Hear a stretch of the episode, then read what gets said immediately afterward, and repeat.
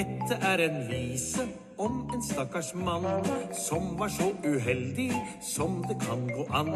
Syns du denne visa kanskje er litt trist, kan du trøste deg med det at alt blir bra til sist. Jeg sitter her på behørig koronaavstand, halvannen meter unna. Men vi har jo vært ganske nær hverandre, føler jeg. I hvert fall i perioder. Og dette er altså en av dem som jeg tror må ha det beste mindsettet jeg vet om i basketball. Uh, og i tillegg de aller styggeste sokkene. Uh, det er altså Magnus Midtvedt som jeg har fått besøk av. Um, og sånn til å begynne med, jo, Hvor lenge er det siden du har spilt basketball? Ja eh, 19. oktober 2020. 19. oktober 2020, ja. Det var sist jeg spilte organisert basketball. Og det var ikke korona som ødela det, egentlig? Nei. Det var en altfor bra backdoor-kutt gjort av meg selv. To minutter før treninga var ferdig. og den var, den var, kjempebra? Og det var i... Ja, den, den, skulle sett. Den skulle hele Norge sett. Den var er den beste backdoor-kutten jeg har gjort. Ja. Men eh, det var kneet mitt som ikke tålte den. Ja. Men fikk du pasningen, da? Jeg fikk pasningen. Um, skulle helst fått en sprettpasning. Det var en backdoor-kutt som var en brystpasning, og da måtte jeg på en måte snu kroppen litt annerledes enn det jeg kanskje ønsket. da. Og da tråkker man fort litt feil. Men var det i Vulkanhallen? Det var i Vulkanhallen. Ja. Hva syns du om eh, Vulkanhallen? Jeg elsker Vulkanhallen.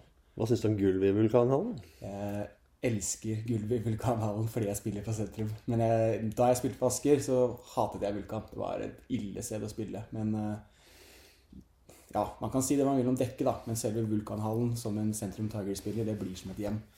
Ja, det er et samlingspunkt. Eh, så selvfølgelig skulle vi helst hatt parkett. Det, det, er ikke det jeg sier. Men eh, Vulkan har vært mitt andre hjem de siste syv årene. Så jeg står ved det at jeg elsker Vulkanhallen. Er det syv år?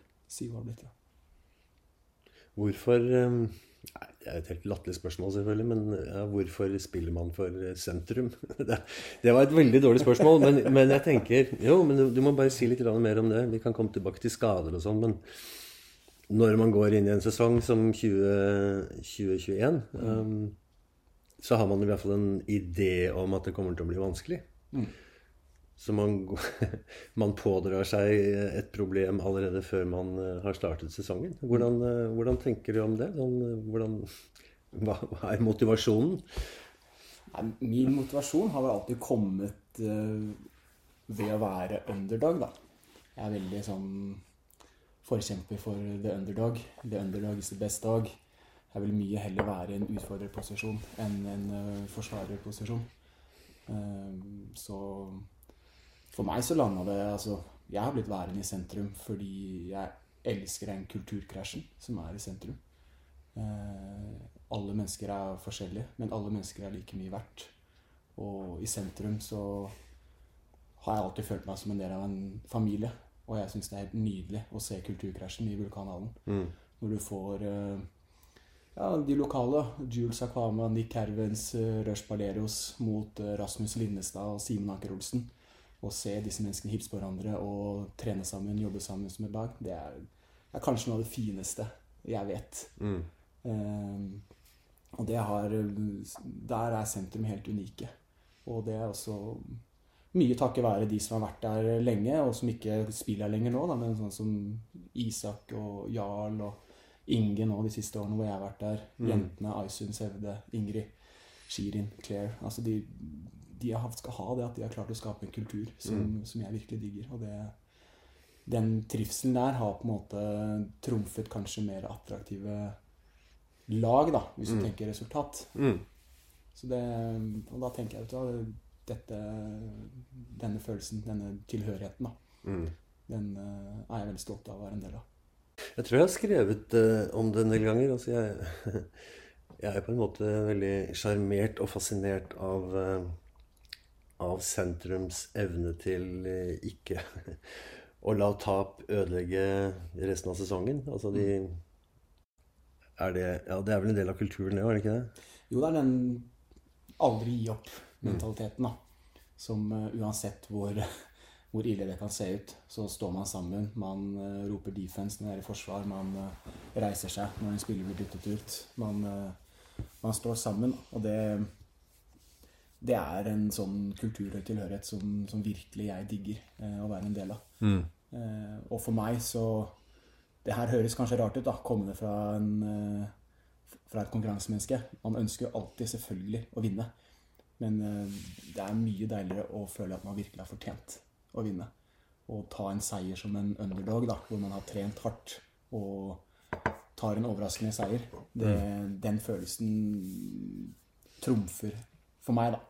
Å vinne liksom fordi man spiller på det beste laget. Jeg husker eh, en stund siden om du snakket med en av mine spillere. Coachet han litt på utfordringer, og da Da snakket du vel også det der med å være underdog, og at du har vært eh, Ja, du har jo vært blant de minste spillerne over veldig lang tid. Og liksom hvordan ja, Hvordan det har gjort noe med deg og din innstilling eh, til alltid å skulle ja, være bedre enn alle på de tingene du kunne være bedre. Kan du si litt om det? Det er jo ingen som gjetter at jeg spiller basketball. De som ikke kjenner meg. Jeg har jo ikke noe høyde eller fysikk sånn sett å skryte av, da. Og da, da må man på en måte ta kontroll over de tingene man selv kan kontrollere. Det er klart at jeg har vært i kjelleren og gravd meg ned og syntes det har vært kjipt da, da jeg, da da jeg var yngre, alle gangene ble kuttet fra kretsdag og ikke ble kalt inn på Jeg var ikke blant de topp 50 som ble kalt inn på U16 landslagssamling. Og jeg husker at uh, da jeg fant ut det, så var jeg så langt nede at jeg, jeg nektet pappa å kjøre meg hjem fra trening i Våndalen. Jeg gikk nærmest ut av bilen og sa at jeg måtte gå hjem. Så det er klart man har hatt sine nedturer, da, men da jeg er veldig takknemlig for det i dag, for det har på en måte gitt meg en sånn killerinnstilling på nettopp det å aldri gi opp. Og det å på en måte virkelig jobbe hardt for å oppnå noe. Eh, som igjen har hjulpet meg i livet utenom basketball. Da. Altså med studier, med jobb, og få liksom alt til å gå rundt i tillegg til å satse basketball. Jeg har på en måte hatt en motor da, som jeg har opparbeida meg, som, som jeg har lært å bruke nettopp pga. de skuffelsene i tidlig alder. Da. Så Men det er jo, ja, det er jo litt Hvorfor ble det basketball, da? Altså sånn, eh, det er jo pussig, det. Altså Den gangen da du valgte basketball, så var vel ikke størrelse en issue, for da var man jo i en pubertet, og ting kunne skje. Um, men, men det er jo andre idretter. Sånn Umiddelbart så tenker jeg lacrosse hadde jo vært helt genialt for deg. Det er jo masse små folk som uh, hjorter rundt med Ja, kanskje skulle sagt det til meg da jeg var eh, ti. Ja, jeg burde kanskje ha coachet deg på det. Nei, altså mm, Nei, hvorfor basketball? Er det, mm, det har jeg, kan jeg takke mine besteforeldre for. Ehm, De tok meg med på Space Jam i 1996. Da var jeg seks år gammel. Eh, Og ble superfascinert av den filmen. Og bestemte meg der og da for at nei, det var basketball. Det, basketspiller, det skal jeg bli. Eh, Og siden så har det bare vært basketball. Og jeg var jo Spilte jo fotball som alle andre. Eh, Pappa er gammel skiløper, så jeg gikk på langrenn. Eh, Jeg var også med på kanskje to hockeytreninger. Men det var tidlig at det var basketball som var greia mi, da. Så jeg husker veldig godt den siste organiserte fotballkampen jeg spilte. Da ble jeg utvist fordi jeg tok ballen med hendene for mange ganger.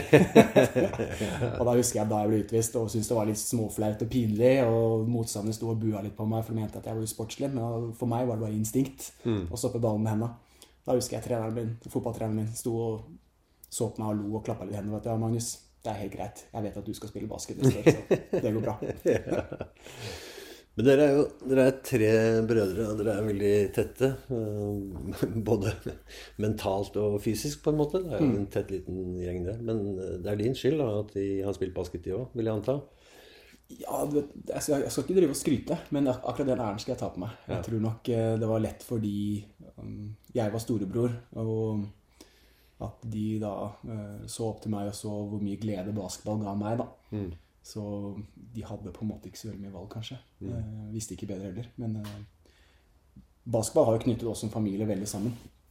Så det er noe vi alle er supertakknemlige for. At vi har hatt, vi har hatt det som felles fellesgreie i familien. Eh, både Peter, Simon og jeg har jo gått helt forskjellige veier sånn studie- og arbeidsmessig. Men vi har alltid hatt basketen eh, til felles. da. Og det har gjort at vi har fått mange felles venner, mange felles opplevelser og fått mye felles tid sammen. Og det er nok en stor grunn for at vi er så tett i dag.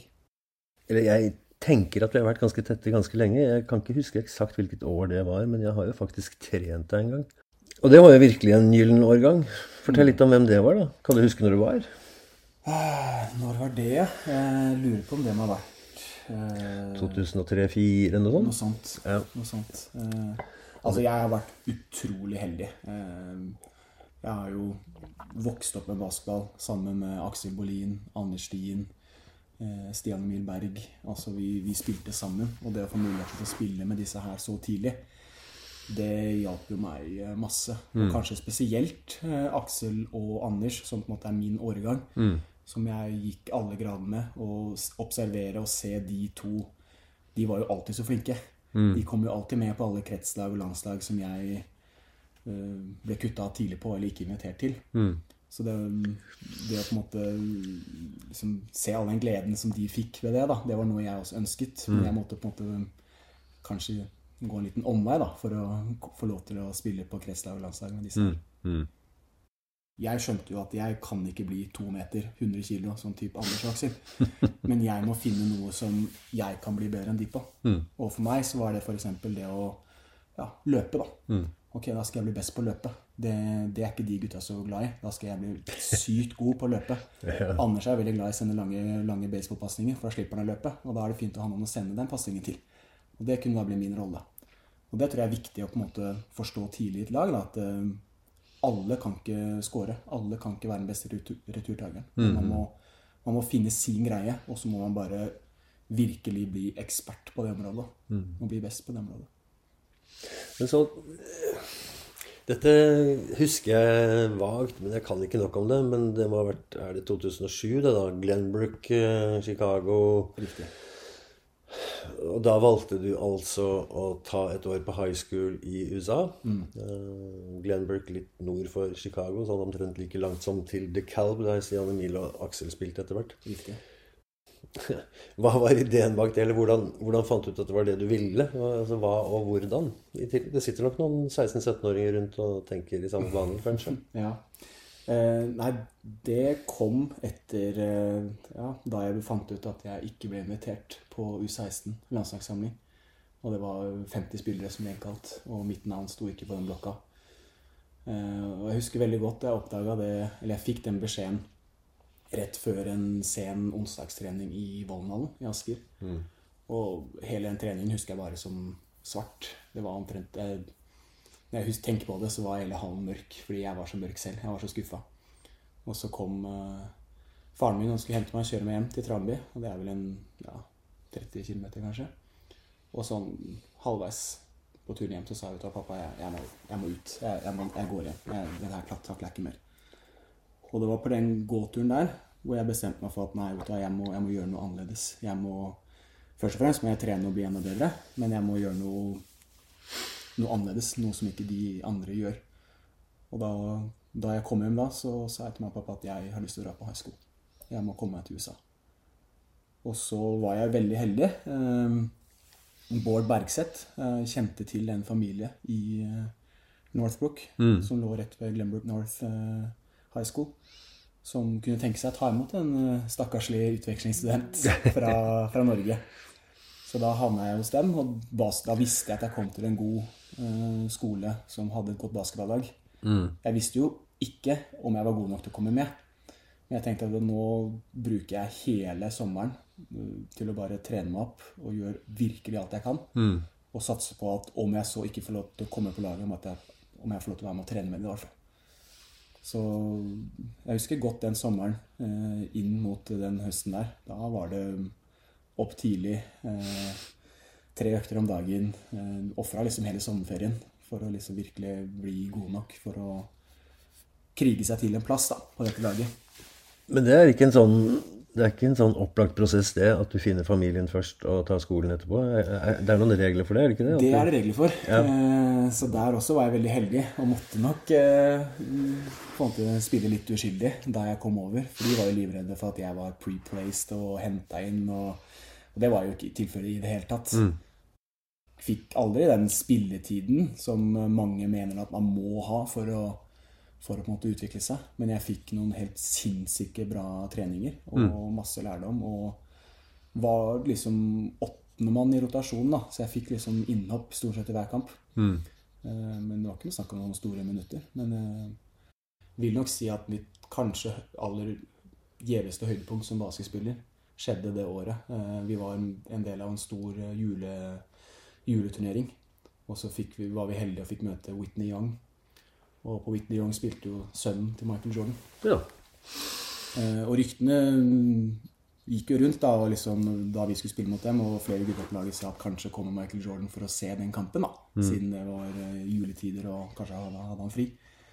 Og det gjorde han. Og jeg husker ikke at jeg la merke til det liksom um, første to periodene, for da er man fokus på kampen. Men da vi skulle til garderoben, så måtte vi gå forbi benken til Whitney Young. Og rett bak den benken så satt Michael Jordan. Og da husker jeg at det bare Jeg frøs jo helt. Jeg hadde bare lyst til å gå bort og ta på han. Bare for tatt på han. Eh, men jeg husker jeg gikk forbi han og fikk lov til å spille, komme inn på i slutten av kampen og fikk lov til å sette en trepoenger mens Michael Jordan satt på tribunen. Og det tenker jeg at eh, Ja, det var stort. Jeg vet ikke helt hvor mange norske basketspillere som har hatt Michael Jordan som tilskuer på noen av sine kamper.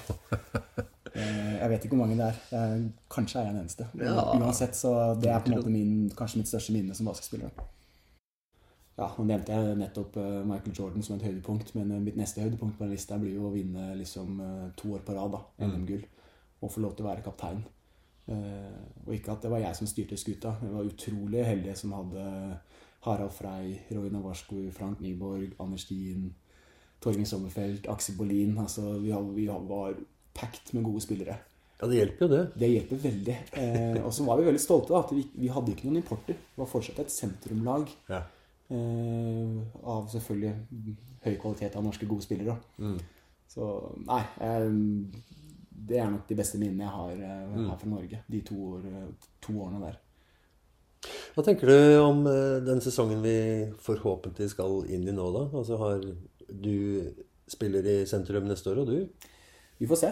Det, nå, er mitt, nå, er mitt, fokus å få ordentlig orden på kneet mitt. Ja. Kunne, jeg er friskmeldt, men det handler om å lære seg å stole på det igjen. Mm. så det er på en måte pri én, og så får vi ta det derfra. Hvis man skal virkelig ha uflaks, som i mitt tilfelle, så hender det at det er noen sånne hudbakterier som selv om man spriter og lukker, så er det av og til noen hudbakterier som klarer å hoppe inn i operasjonsåret. Mm. Og hudbakterier de spiser jo opp og renser huden din. Det trenger man. Men å få det inn i et ledd, og at de begynner å gjøre det samme oppgave der og begynner å spise opp ledd, det er litt uheldig. Så jeg fikk da fem uker senere uh, påvist uh, infeksjon og ble lagt inn på Ullevål sykehus, hvor de da måtte operere meg på nytt. Og da er det jo antibiotika, intravenøst, uh, blodprøver, CRP-målinger. Mm.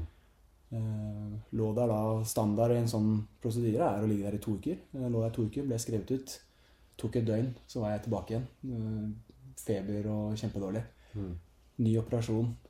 Og da satte de meg på to typer antibiotika. Fikk antibiotika seks ganger i døgnet. Så jeg følte at jeg var oppblåst av antibiotika. Men heldigvis da, så funker antibiotika. Så etter to nye uker Så jeg ja, lå der om fire uker totalt. Men det du sier, er at du sannsynligvis kommer til å spille basketball neste år. I hvert fall. Mm. Um, jeg ser på uh, Facebook-CV-en din. Den er jo langt som et vondt år. Ja, virkelig, altså. jeg tror det eneste jeg har er at jeg har, jeg har, jobbet for VG, så er det på min, men herregud, det er jo flere kilometer langt. Uh, men du, du, kan i hvert fall mye om dette. Så hvis, hvis du skulle si noe om hva norske basketballspillere er dårlige på, hva de er dårlige til å trene på, og hva de trenger mer av, og hvor fokus burde ha vært annerledes. Mm. Det har du vel sannsynligvis noen synspunkter på, tror jeg. Ja, Lite grann, i hvert fall. Eh, ikke at det er noe fasitsvar, men jeg tenker jo Altså, igjen må vi snu noe som er eh, kjipt for eh, norsk basket, til noe positivt. Um, så jeg tror det er veldig sunt å eh, variere treningen sin. Fordi basketball, vi er så heldige som spiller basketball. Vi må være gode på så mye. Vi må være utholdende, vi må være sterke, vi må være raske. Eksplosive, spenstige, koordinerte. Så det er så uendelig mange muligheter. Klart man må spille mye basketball for å bli god i basketball, men så må man huske på at basketball tærer jo veldig på særlig leddene våre. Mm. Så da må vi styrke muskulaturen rundt leddene, slik at belastningen går mye på muskulatur og ikke direkte på ledd. Mm.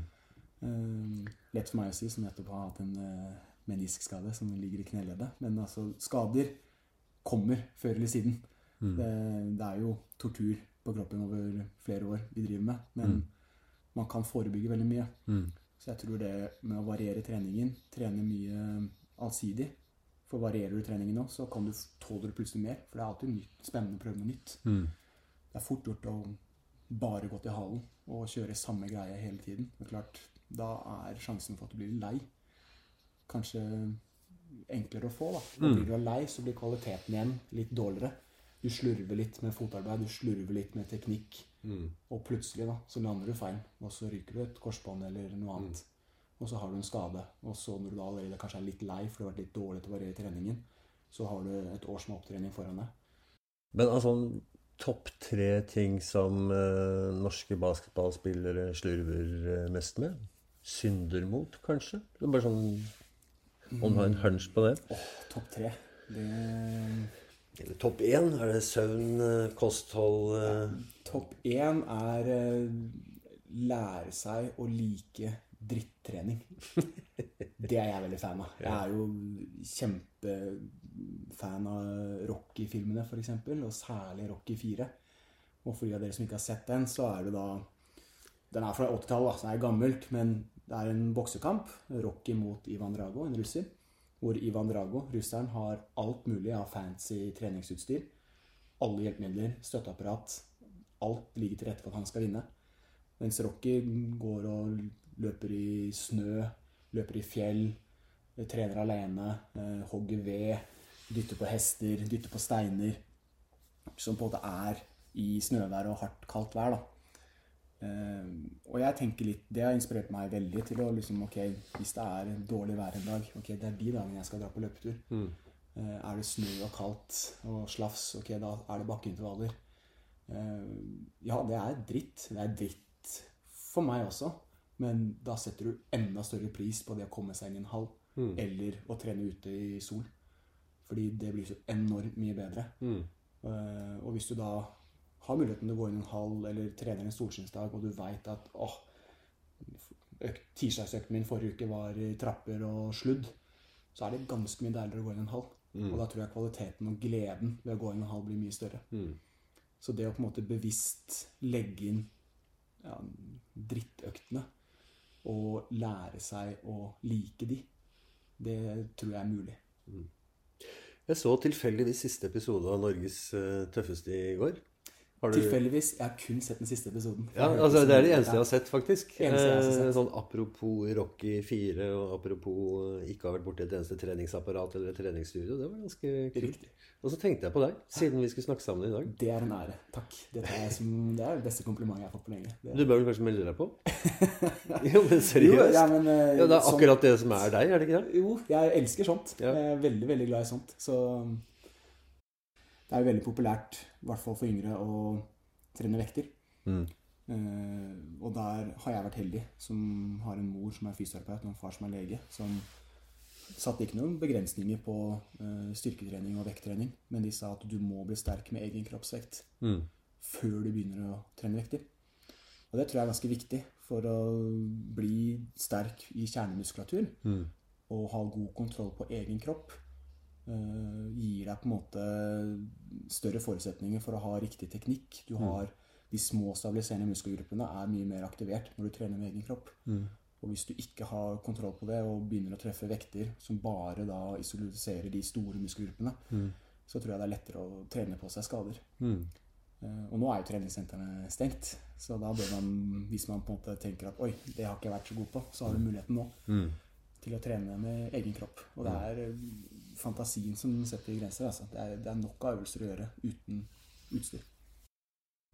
Du har sikkert fortalt det før, den der historien om eh, motivasjonen for å dra til Glenbrook. Det må jeg Ja. Altså kjøreturen hjem og Det visste jeg ikke. At det var så mørkt. Ja, det var mørkt, og jeg tror nok eh, Litt som jeg sa mm, da du hadde podkasten om koronanedstigning koronanedstenging og tanker, at det er litt i motgang man bygger karakter. Mm. Og det er liksom blitt mitt livsmotto, da. Eh, og det startet i de tidene der hvor ting var veldig, veldig mørkt. Mm. Uh, og så er jo Jeg vil tro at jeg i hvert fall er over middels positiv og blid stort sett hele tiden.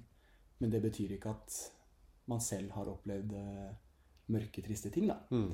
Uh, men altså, jeg er veldig takknemlig for at man har, eller at jeg har da, opplevd eh, å bli kutta og ikke være god nok. For det har på en måte formet meg til å jobbe hardt for ting og Mm. virkelig være takknemlig og glad for det man får til. Mm. Um, så jeg har veldig troen på det. At, uh, at det er i motgang blir karakter. Og så hørte jeg på podkasten til han eh, Erik Bertrand Larsen, han mentaltreneren Mm. her om dagen. Og da var Alex Rosén Ja. var gjest, og han er jo alltid en som alltid blir sett som blid og ler høyt og glad og positiv. Ja, ja. Eh, og sikkert for mange kanskje nesten litt irriterende positiv. Og den har nok jeg også fått blant noen enkelte mennesker jeg har møtt, da, som er litt sånn åh, Magnus er bare positiv, eller alt er så lett for Magnus. Eh, men da husker jeg Alex Rosén sa det at hvis du skal være god på å være glad, så må du være god på å være lei deg. Mm. At når du er lei deg, så må du faktisk bare akseptere at nå er jeg lei meg. Mm. Og så må du sette pris på det å være lei deg. Fordi, og bare ha troen på at det blir bedre. For når du da løsner og blir bedre, Mm. så blir jo gleden enda større. Og det også syns jeg er veldig godt sagt. Mm. Så det er klart, man, alle dager er ikke bra. Det er jo noen dager som er kjipe. Og sånn er det for alle. Ja, ja.